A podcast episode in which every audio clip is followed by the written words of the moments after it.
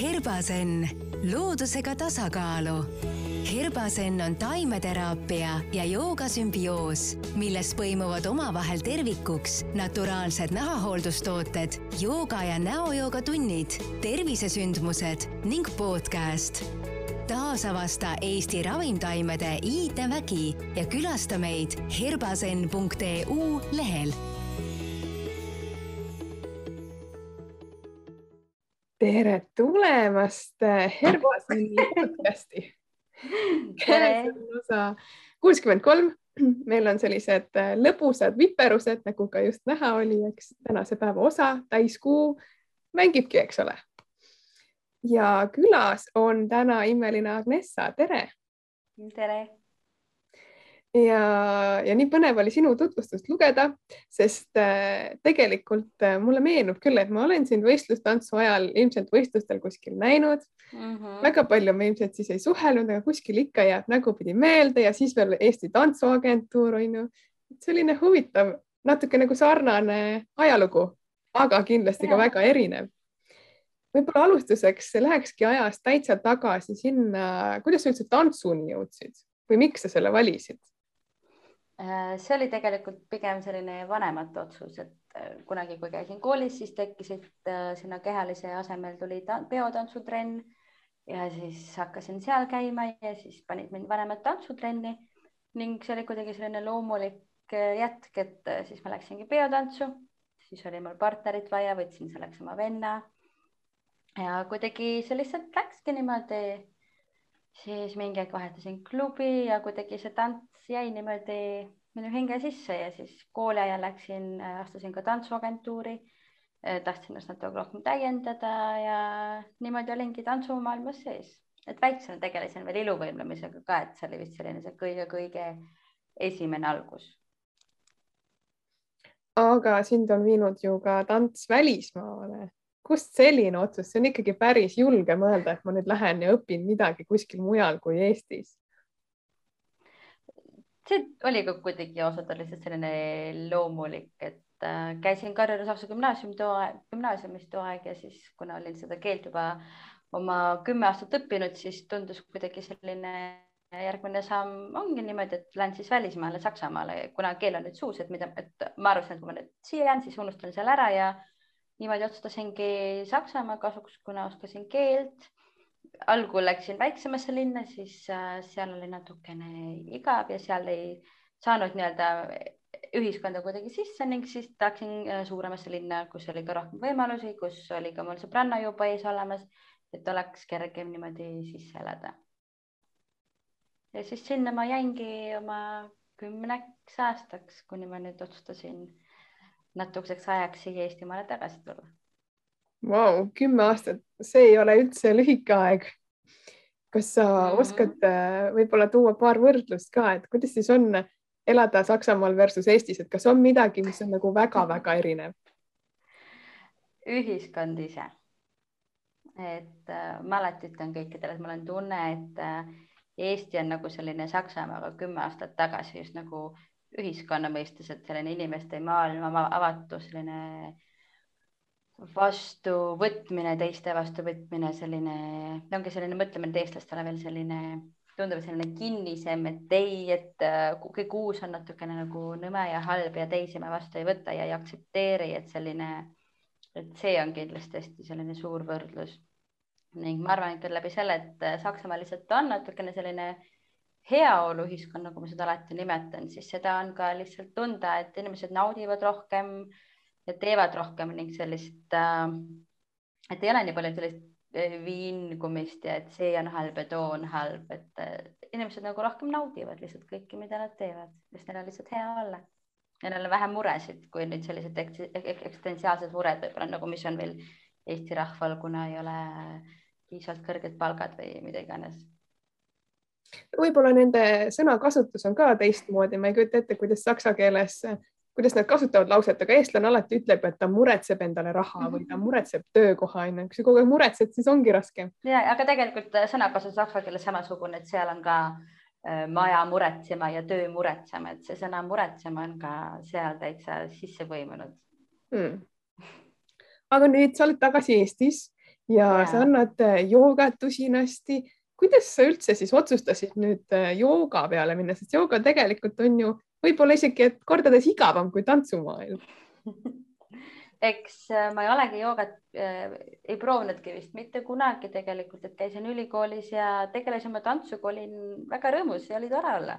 ja siis, kui ma rasedaks jäin, siis äh, läksin sellisesse rasedate joogasse ja õpetajaks oli Kundalini jooga õpetaja ning alguses oli küll naljakas, sest just Kundalini joogas äh, lotsitakse mantraid ja et atmosfäär on natuke teistmoodi. nüüd inimene, kes seal ei ole sellega varem tutvunud, algul mõtleb küll, et issand, mis siin toimub ja miks kõik laulavad ja kuhu ma nüüd sattunud olen, aga samas see tunne, kui ma läksin sealt saalist välja ja nagu see, see tõesti, ma lihtsalt tundsin ennast õnnelikuna nagu mingi kolm tasemet kuskil kõrgemana ja oligi lihtsalt nii hea tunne peale seda ja alati andis õpetaja selliseid tarkusi tee peale kaasa ning loomulikult, kui inimene on esimest korda rase, ta väga midagi ei tea, siis ongi hea, kui nagu juba on siin ümber samasugused inimesed, kes on täpselt äh, samas olukorras nagu sina.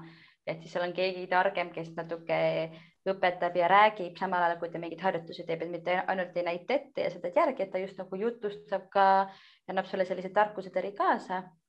Ning siis sealt äh, hakkasingi nagu vaikselt Kundalini joogat äh, tundma õppima.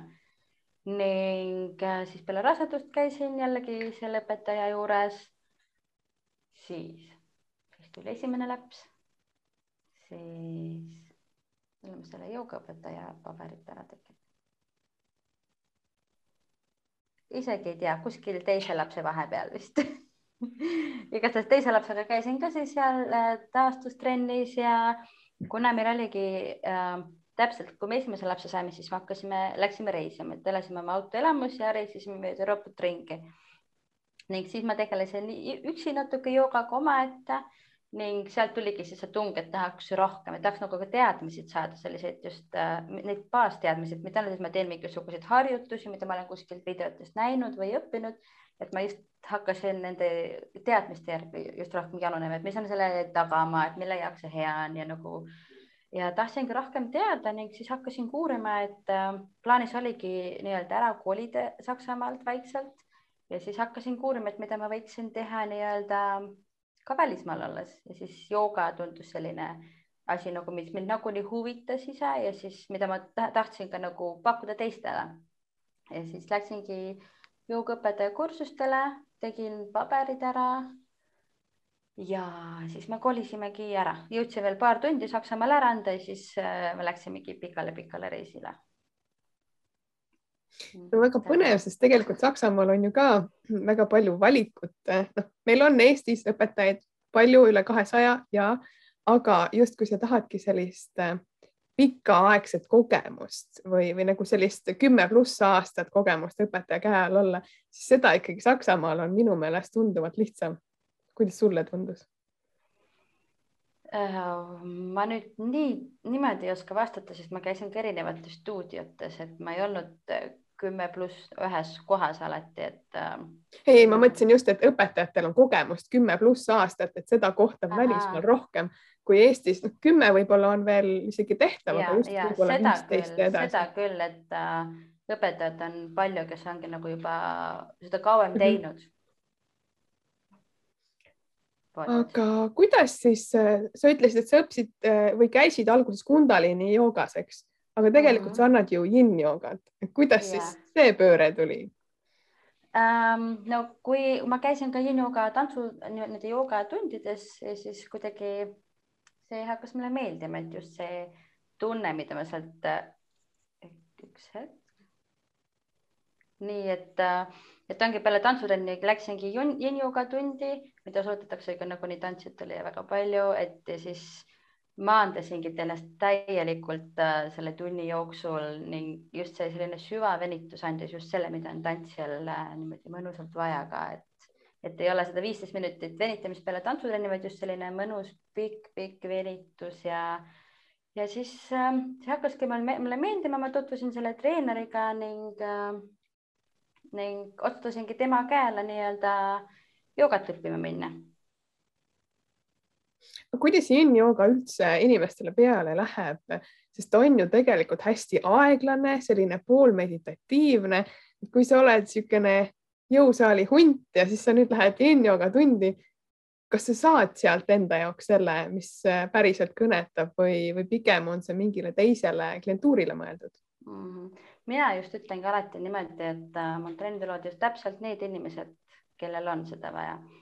et ma ei ütlekski, et see on igale ühele, sest et äh, joogastiil on ka nii palju erinevaid, et äh, mõnel ongi vaja just sellist power joogat, teisel on vaja sellist rahulikumat, mitte nii rasket ja nüüd, kui küsidagi inimeste käest või öelda, et ma teen joogat, siis ma ütlen, et ah jah, see ei ole minu jaoks. aga samas ma ütlen, et aga sa pole proovinudki, et sa ei tea, sest et inimestel just puudubki tihtipeale selline see tunnetus üldse, mida sa sealt äh, tunnist kätte saad. kui sa oledki tund aega ennast äh, maandanud, täiesti niimoodi iseenda sisse rännanud, et äh, kui nad seal juba selle aja korra selle tunnetuse kätte saavad, siis see hakkab neile tavaliselt meeldima.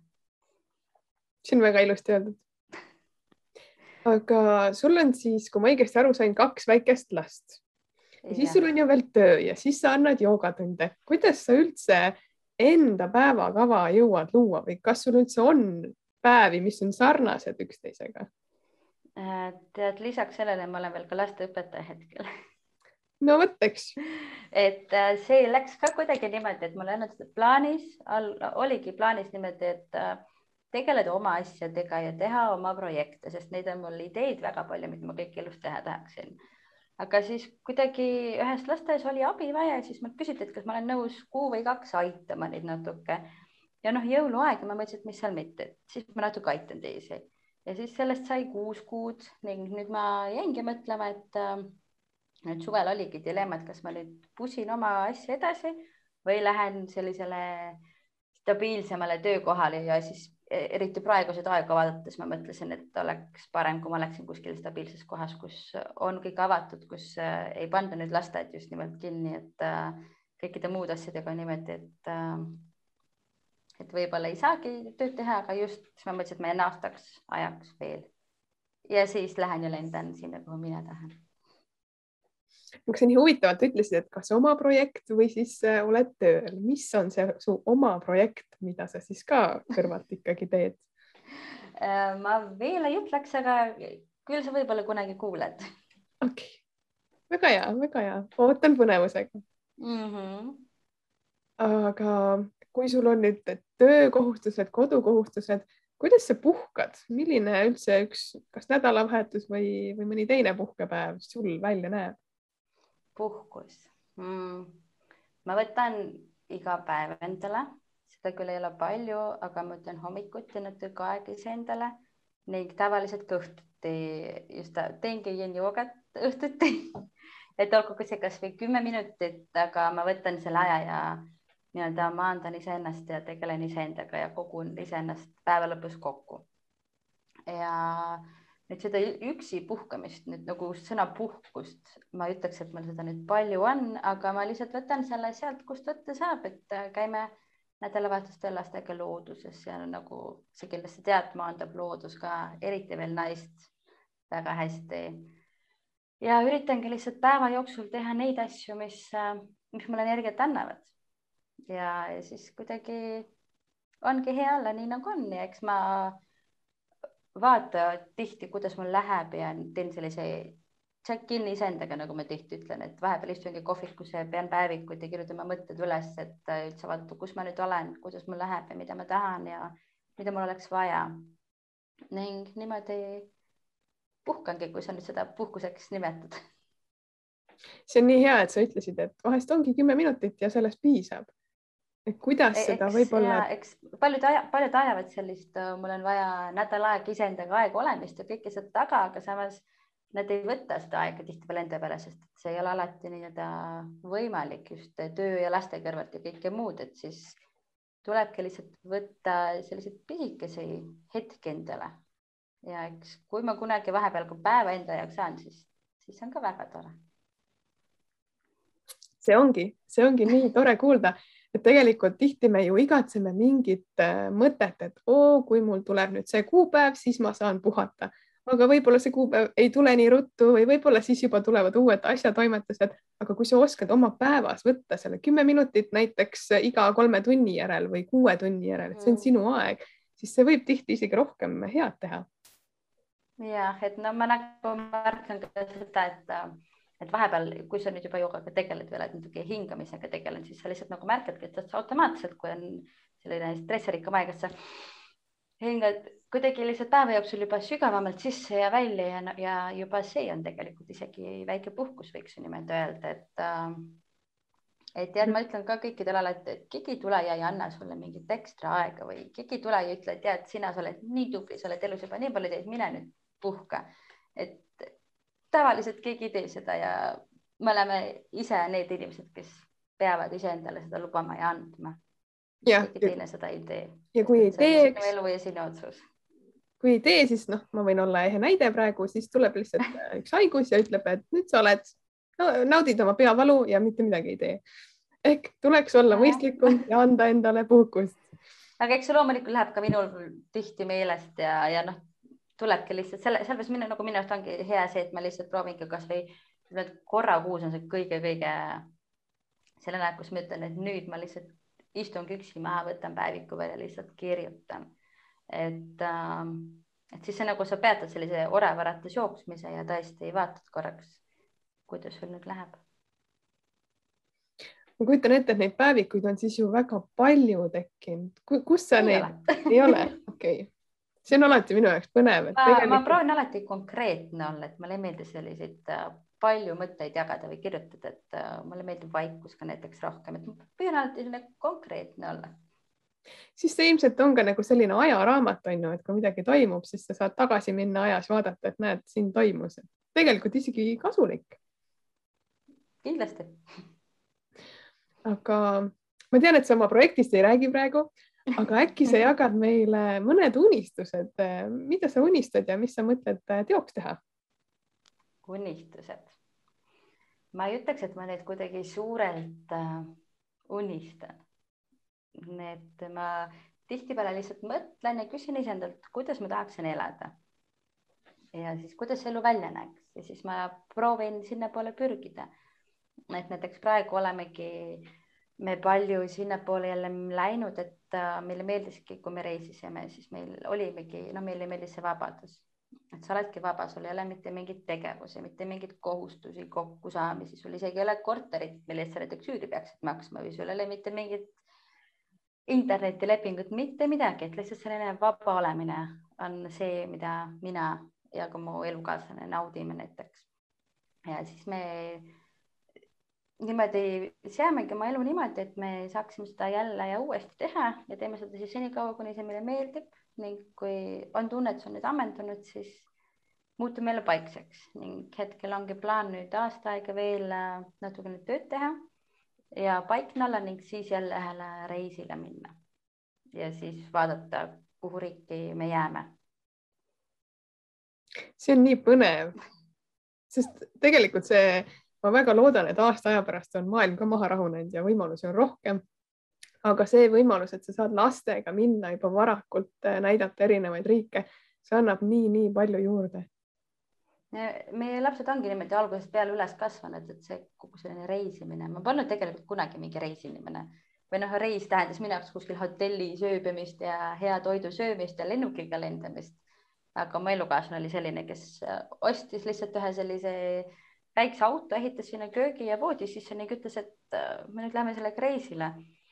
et algul ma olin väga selle vastu, ütlesin, et ei, mul on luksust vaja nagu ja siis äh,, siis ma ütlesin, et proovime, et alati saab ju tagasi pöörata, kui ei sobi ja siis sõidame lihtsalt koju tagasi ja siis ja kuidagi niimoodi see läkski ja siis, kui esimene laps sündis, siis oligi emapuhkus nii-öelda see aeg, kus me seda teha saime ning minu arust see ongi kõige vabam last, laste jaoks lihtsalt olla looduses, elada ka vanematele lihtsalt looduse järgi elamine, kogu aeg õues olemine, et meil alguses paljud ütlesid ka, et ei saa ju niimoodi teha lastega autos elada, et see, et see ei ole normaalne, et ei, peab ikka korteris ja tsivilisatsioonis olema.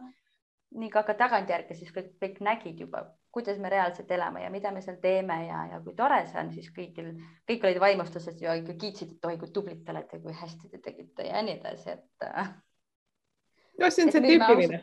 ja, et nüüd ma ausalt öeldes igatsen, me oleme juba poolteist aastat Eestis olnud ja ma juba igatsengi sellist äh, vabadust jälle, sellist olemist äh, mitte lasteaias käimist, mitte kuskile ühiskonda kuulumist ja, ja igasuguste tegevuste tegemist, et lihtsalt seda olemist ja kulgemist. aga kas teil on siis juba selline eh, draft marsruut paigas, mis siis aasta pärast tuleb, kui sa juba ütled, et natukene igatsed, ma kujutan ette, et eks te ikka õhtuti räägi, et kui siis see aasta saab läbi, siis me teeme. Äh, marsruuti otseselt ei ole, meil pole seda kunagi olnud ja see ongi lihtsalt niimoodi, et sõidame ja vaatame, kuhu meid tee viib.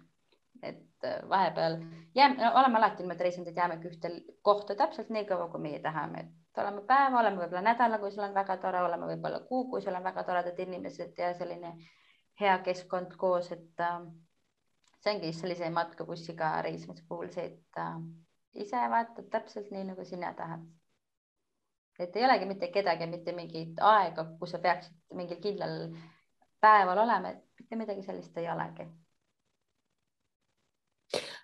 Aga see jälle korraks viib mu tagasi selle Saksamaa võrdluse peale, kui sa nüüd oled, ütled, et sa oled käinud ju mitmetes riikides, sõitnud ringi. kas sa oskad äh, panna näppu peale, kas kuskil siis on tõesti inimesed väga-väga erinevad või ikkagi oleneb see inimtüübist, kas ta on avatud ja lahke või ta ei ole kas, kas see nagu äh, rahvus määrab nii suurt rolli, nagu meile üritatakse rääkida, on võib-olla see kõige õigem küsimus.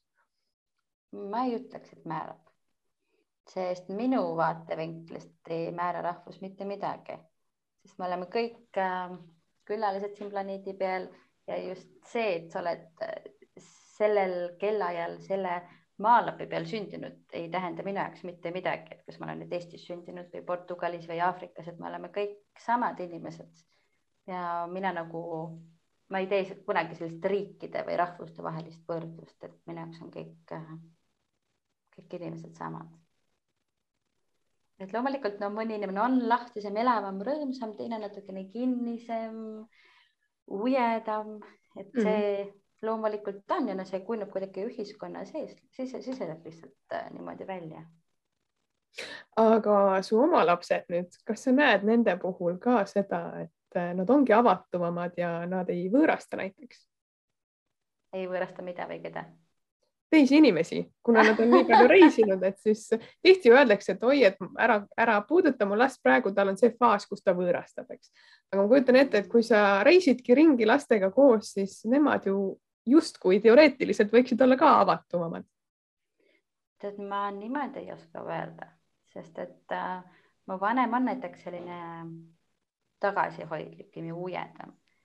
Et äh, noh, avatuma silmaringiga selles mõttes kindlasti, et äh, rahvuste poole pealt nüüd, et kas inimene on mustanahaline või, või ükskõik, kuidas ta ka välja ei näe, et nagu see, et ta ei pane vist võib-olla mingisse sahtlisse seda inimest nüüd nii väga, kuna ta nagu nii palju näinud mm. -hmm aga ma nüüd ei ütleks, et nemad kuidagi eriti vastuvõtlikud nüüd kõige suhtes on, et äh, niimoodi ma ei, ma ei saaks vist vastata. Aga kuidas neile on mõjunud sinu joogateekond, kas, kas nad teevad ka kaasa vahest või pigem naeravad? Äh, no ütleme, tavaliselt näeb välja niimoodi, et kui ma joogamati välja rullin, siis on minu joogamati peal koer ja kaks last minu selja peal et ähm, eks nad ikka nagu seda näinud ja, ja nad on, ma ka neile õpetanud sellist rahulikku hingamist, et nüüd hinga ja vaata, kuidas sul läheb ja rahune maha, kui midagi on, et eks ma olen ikka selliseid oma nagu tarkuseterasid neile kaasa andnud ja proovinud niimoodi natukene õpetada, aga ma nüüd äh,, nad ei tee näiteks joogat minuga kaasa või midagi, et see on nagu ikka pigem minu selline oma asi. et äh, Nad vahepeal proovivad, vahepeal katsetavad midagi, aga nüüd ei ole, nad teavad kõiki poose ja, ja teevad mingeid joogarutiine ka, et sellist asja ei ole. No mine tea, võib-olla tulevikus äh, tuleb neile jälle meelde. ja, ja kindlasti, et nad ju nagu kasvavad sellega koos üles, nad teavad, et mina seda teen ja kui nad tahavad, siis joogamat on alati nende jaoks avatud ja mina ka. mulle tundub, et sa oled nagu selline Mm, äh, julge, kuidas seda öeldakse, julge hundirind on rasvane, eks, et sa lähed välismaale, sa lähed tantsu õppima, sa lähed äh, ehitatud autoga on ju reisima väikese lapsega. Kas on üldse midagi, mida sa kardad või, või kui sa lihtsalt oskad hästi varjata seda, et sa kardad, siis kuidas sa oma hirmudega toime tuled, kas sul on mõni nipp selle jaoks? Äh, ma vastaks selle kohe niimoodi, et hirmud on ju siin. aga me elame ju oma südamega või peaksime elama, võiksime. et tegelikult see hirmu ületamine käib ju ainult äh, selline võistlus sinu peas. tegelikult neid hirme ei olegi olemas. Et ma nüüd ei ütleks, et ma nüüd selline superjulg olen ja igale poole pea ees hüppan ja teen, et ma vaatan, mida ma tahan ja siis seda ma teen ja proovin. Ja kui ma ei julge, ongi, kui sa nagu sa ütled, et kui ma tunnen hirmu, siis ma niimoodi, mulle ei meeldi sõna töötama, aga siis ma töötan natuke läbi selle hirmu ja nagu mõtlengi, et okei okay,, hingan korra, okei. Okay. mm,, ma tunnen hirmu, kust see tuleb, mida ma kardan, mis on kõige hullem, mis juhtuda saab, kui ma nüüd seda teen, mida täpselt ma kardan, et ma nagu tunnetangi ennast läbi selle hirmu ja vaatan, mis sealt välja tuleb tavaliselt äh, siis on täitsa teised vastused kui see, et ma kardan vett äh, näiteks, et mm., et seal on mingi muu tunnet tavaliselt äh, selle taga, miks ma seda nii-öelda kardan või arvan seda kartvat. väga hea nipp, tegelikult väga lihtne on ju, et sa hingad ja sa üritad lahti hammustada seda, kust see emotsioon tuleb. Ja vahepeal ka aitab lihtsalt hästi, kui sa kirjutadki üles mm. -hmm. et äh, ma kardan seda ja siis lähebki sügavamale, et, et miks ma seda kardan, mis on see hirm, mis täpselt võib juhtuda. tavaliselt tihtipeale ei juhtu kõike seda, mida me kardame. ja kui juhtub, siis ma vaatan jooksvalt, kuidas selle olukorraga tegeleda ja väljapääsu leida, et ega nüüd kõik ei saagi ette ära mõelda, sest meil on ainult see hetk, mis meil on ja me elame ju hetkes ikka, võiksime ju, peaksime. ja peaksime, täiesti nõus see viibki mind kohe järgmise mõtteni. mida jooga sulle õpetanud on? ka Matilt väljaspool, kuidas sa joogat näiteks rakendad äh, igapäevaselt ähm,? väga palju ja kõike ütleks.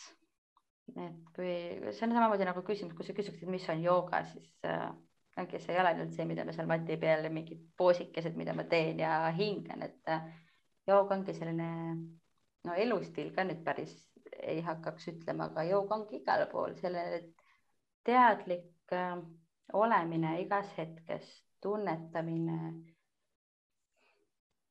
mul läks nüüd küsimus meelest kuidas jooga sind äh, igapäevaelus aitab? kuidas on jooga ja ma arvan, et see ongi mind kindlasti teadlikumaks teinud kõigest. et sellist nautimist hetkes mul polegi pikka aega olnudki, et algusest nüüd ma saangi öelda, et oma esimese reisi, reise ma ei nautinud üldse, olingi selline, no kõik need mustrid, mida ma olen kaasa saanud ja millega ma olengi elanud, et ma närvitsesin kõigi üle, kõige üle ja kõik ei sobinud ja kõik oli nõme ja kõik pidi teistmoodi kuidagi olema, et sellist tagantjärgi ma mõtlen, et ma olin maailma kõige ägedamates kohtades. ma elasin elu, mida, millest teised võib-olla unistavad ja ma ei nautinud mitte sekunditki sellest, sest kogu aeg oli mingisugune tamp või selline oma mingid mõtted, mis ei luba sul lihtsalt olla niimoodi peas ja just ongi nagu, et see ongi selline pikk teekond, nagu ma ütlen ju, aga et äh, sa õpid alati midagi juurde, jälle avaneb mingi uus leht sinu elus või kuidagi, et sa kooridki nagu vähehaaval selliseid kihte endast maha.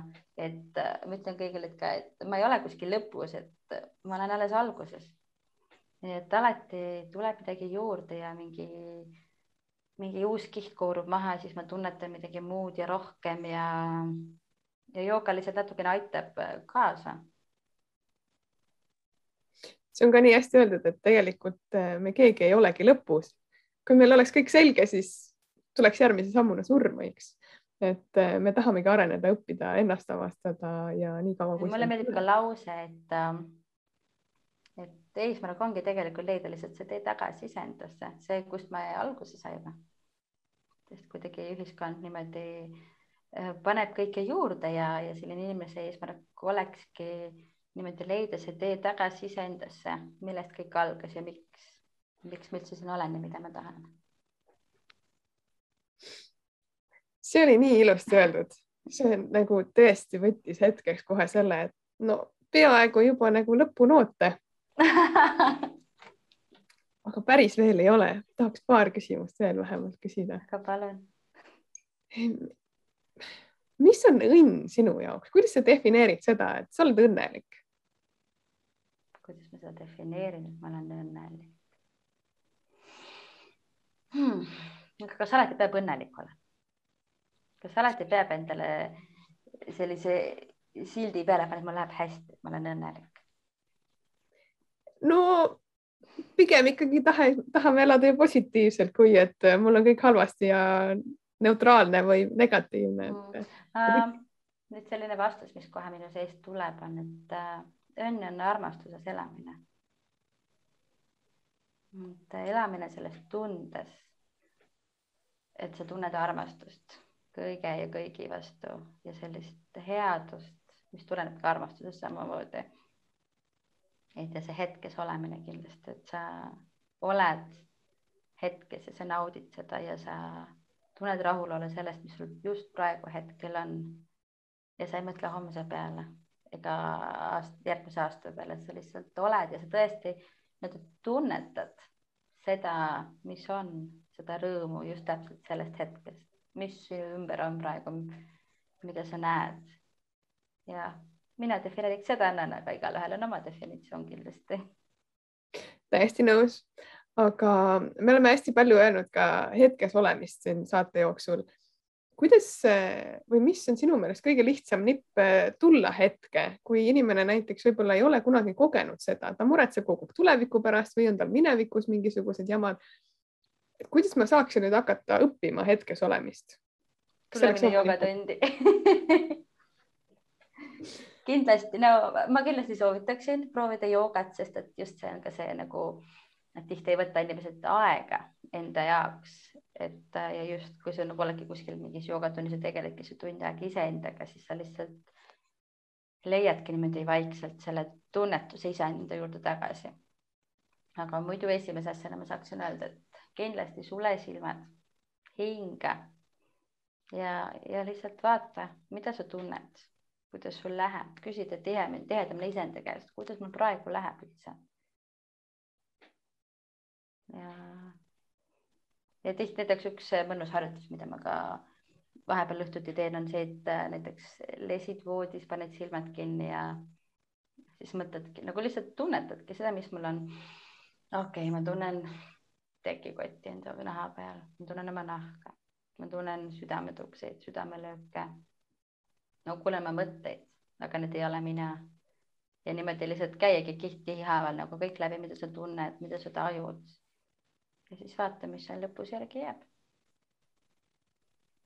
kindlasti väga hea nipp ja ka siis, kui kellelgi on näiteks uinumisega raskuseid, on ju, kui sa hakkadki niimoodi kiht kihi haaval minema, ma usun, et see uni tuleb päris ruttu mm,. ma lastele alati õpetan või jutustan niimoodi, et sa nägi, oled terve päeva ringi vaadanud, et silmad on väsinud, luba neil puhata kõrvadega sama lugu, nad on nii palju kõike kuulnud. ka neil on vaja vaikust. jalgadega samamoodi, me kõnnime terve päeva oma jalgade peale, aga kui palju tähelepanu me neile tegelikult, tegelikult pöörame, kui tihti me ei hoolitse oma jalgadest näiteks, oma südame eest, oma keha eest, samamoodi. nõus, ei, üldse ei vaidle vastu. aga kui sa nüüd vaatad ajas edasi korraks mm, -hmm. siis äh, kuidas sa näiteks kujutad ennast äh, kaheksakümne viie aastasena ja no ma arvan, et ma kujutaksin ette, et ma istun kuskil ilusas kohas, joon mõnda mõnusat jooki ja vaatan loodust.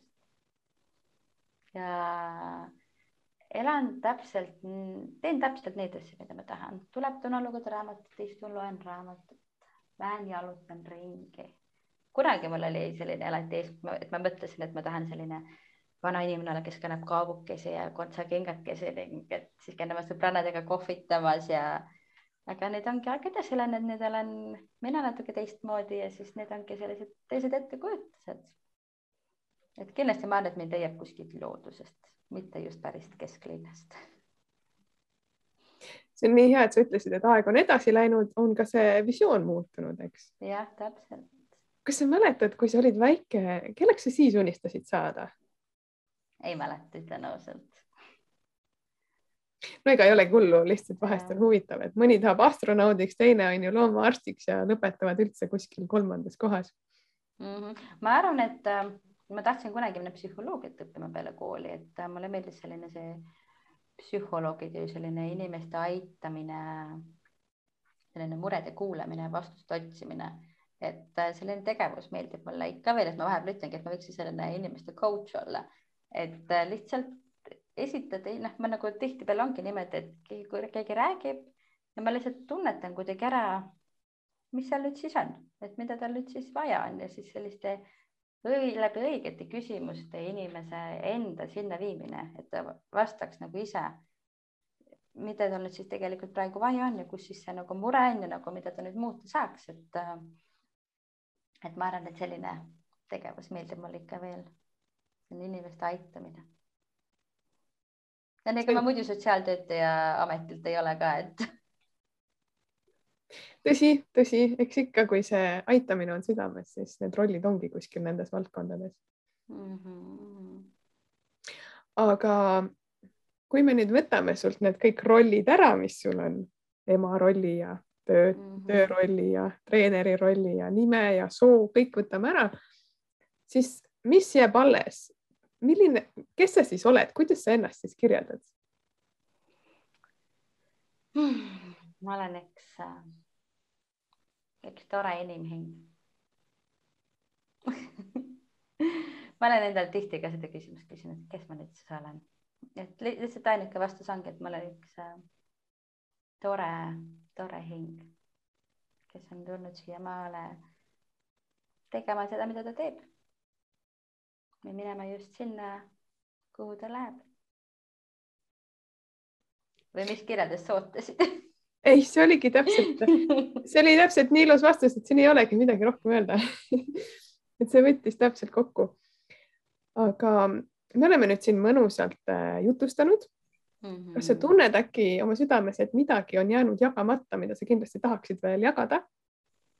eks ma mõtlen korra. ma ütleks äh, kõikidel kuulajatel, et äh, võtke enda jaoks rohkem aega.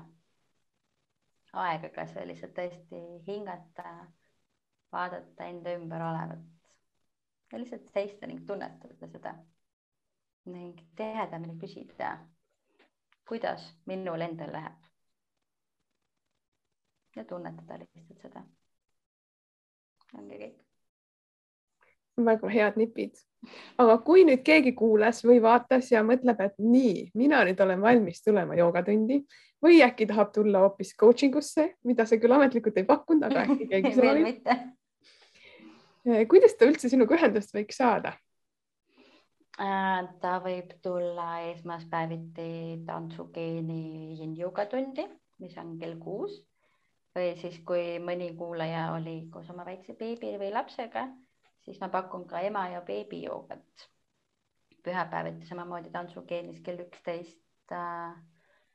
muidu võib mulle kirjutada Instagrami, aga mu nimi on seal päris keeruline, et selle ma annan sulle edasi, siis sa võid seda jagada mm. -hmm. ja ega muud moodi ei saagi. kui näed mind tänaval, võid mulle lehvitada ma naeratan sulle vastu no nägid, siis on jälle põhjust rohkem ringi vaadata ja naeratada ja otsida. ja äkki näed mind kuskil, kes teab. aga mina tänan sind väga, et sa tulid äh, oma tihedas graafikus, leidsid selle aja. väga põnev oli sinuga jutustada hmm.. aitäh sulle, et sa mind kutsusid. ja et ja. ma sain su küsimustele vastata. ja see oli nii äh, põnev, ikka on vahest hea surkida teise inimese maailmas, sest äh, mul on ju see vabadus. küsinud sult ka paar, paar küsimust, aga ma ei teadnud, kas see nüüd podcast'i vormi just sobib et ma oleks sult ka vastu nii mõndagi küsimust küsinud. no me võime sellest pärast jätkata jah, järgmine podcast siis. just. aga aitäh sulle ka, armas kuulaja-vaataja.